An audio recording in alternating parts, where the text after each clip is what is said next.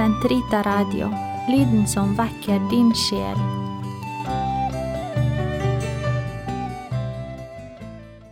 Kroppens teologi, en kommentar til pave Johannes Paul 2.s onsdagskatekeser av Eirik Ambrosius Stenhoff. Totus tuus ego sum, et omnia mea tua sunt, archipio te in mea omnia, prebe mi cor tum Maria.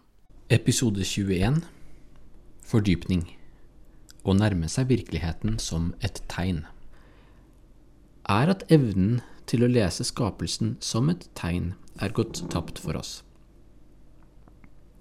De empiriske vitenskapene nyter total dominans og forstås ofte som hele eh, rekkevidden av hva det er mulig å erkjenne.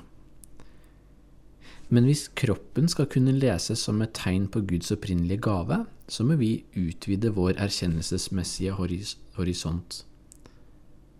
I de siste episodene har vi snakket om kroppens språk, at kroppen uttrykker seg i samsvar med kroppens formål og betydning, eller at den kan lyve mot, mot uh, det formålet. Her snakker vi om noe mer enn det psykologien kaller for kroppsspråk. Vi snakker om et språk som forutsetter en ontologi, en virkelighetsoppfatning der den empirisk gitte og målbare virkeligheten ikke er en uttømmende kilde til erkjennelse. I denne fordypningsepisoden skal vi se nærmere på det vi kan kalle for tapet av tegndimensjonen i tilværelsen, og hvilke konsekvenser dette har for vår forståelse av mennesket, naturen og Gud. Og dette er et problem som er et distinkt moderne problem.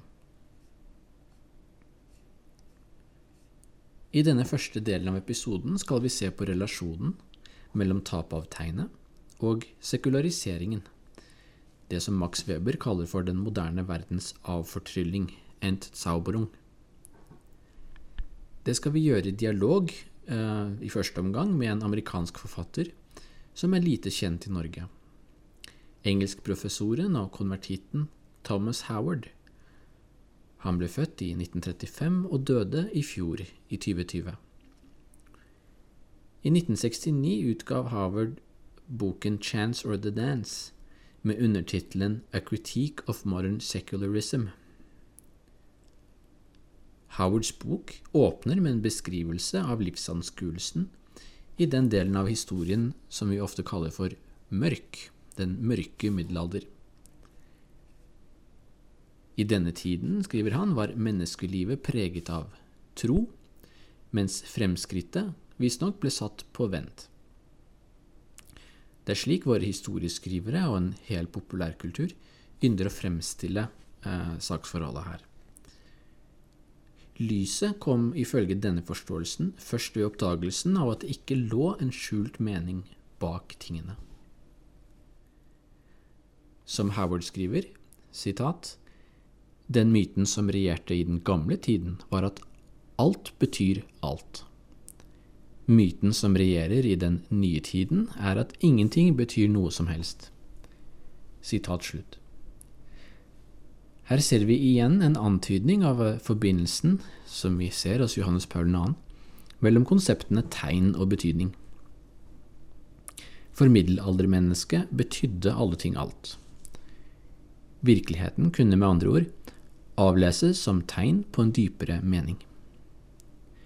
Howard skriver at det betydde noe for folk at citat, solen gikk ned, at natten kom og månen og stjernene dukket opp, og at soloppgangen og solen kom igjen, osv.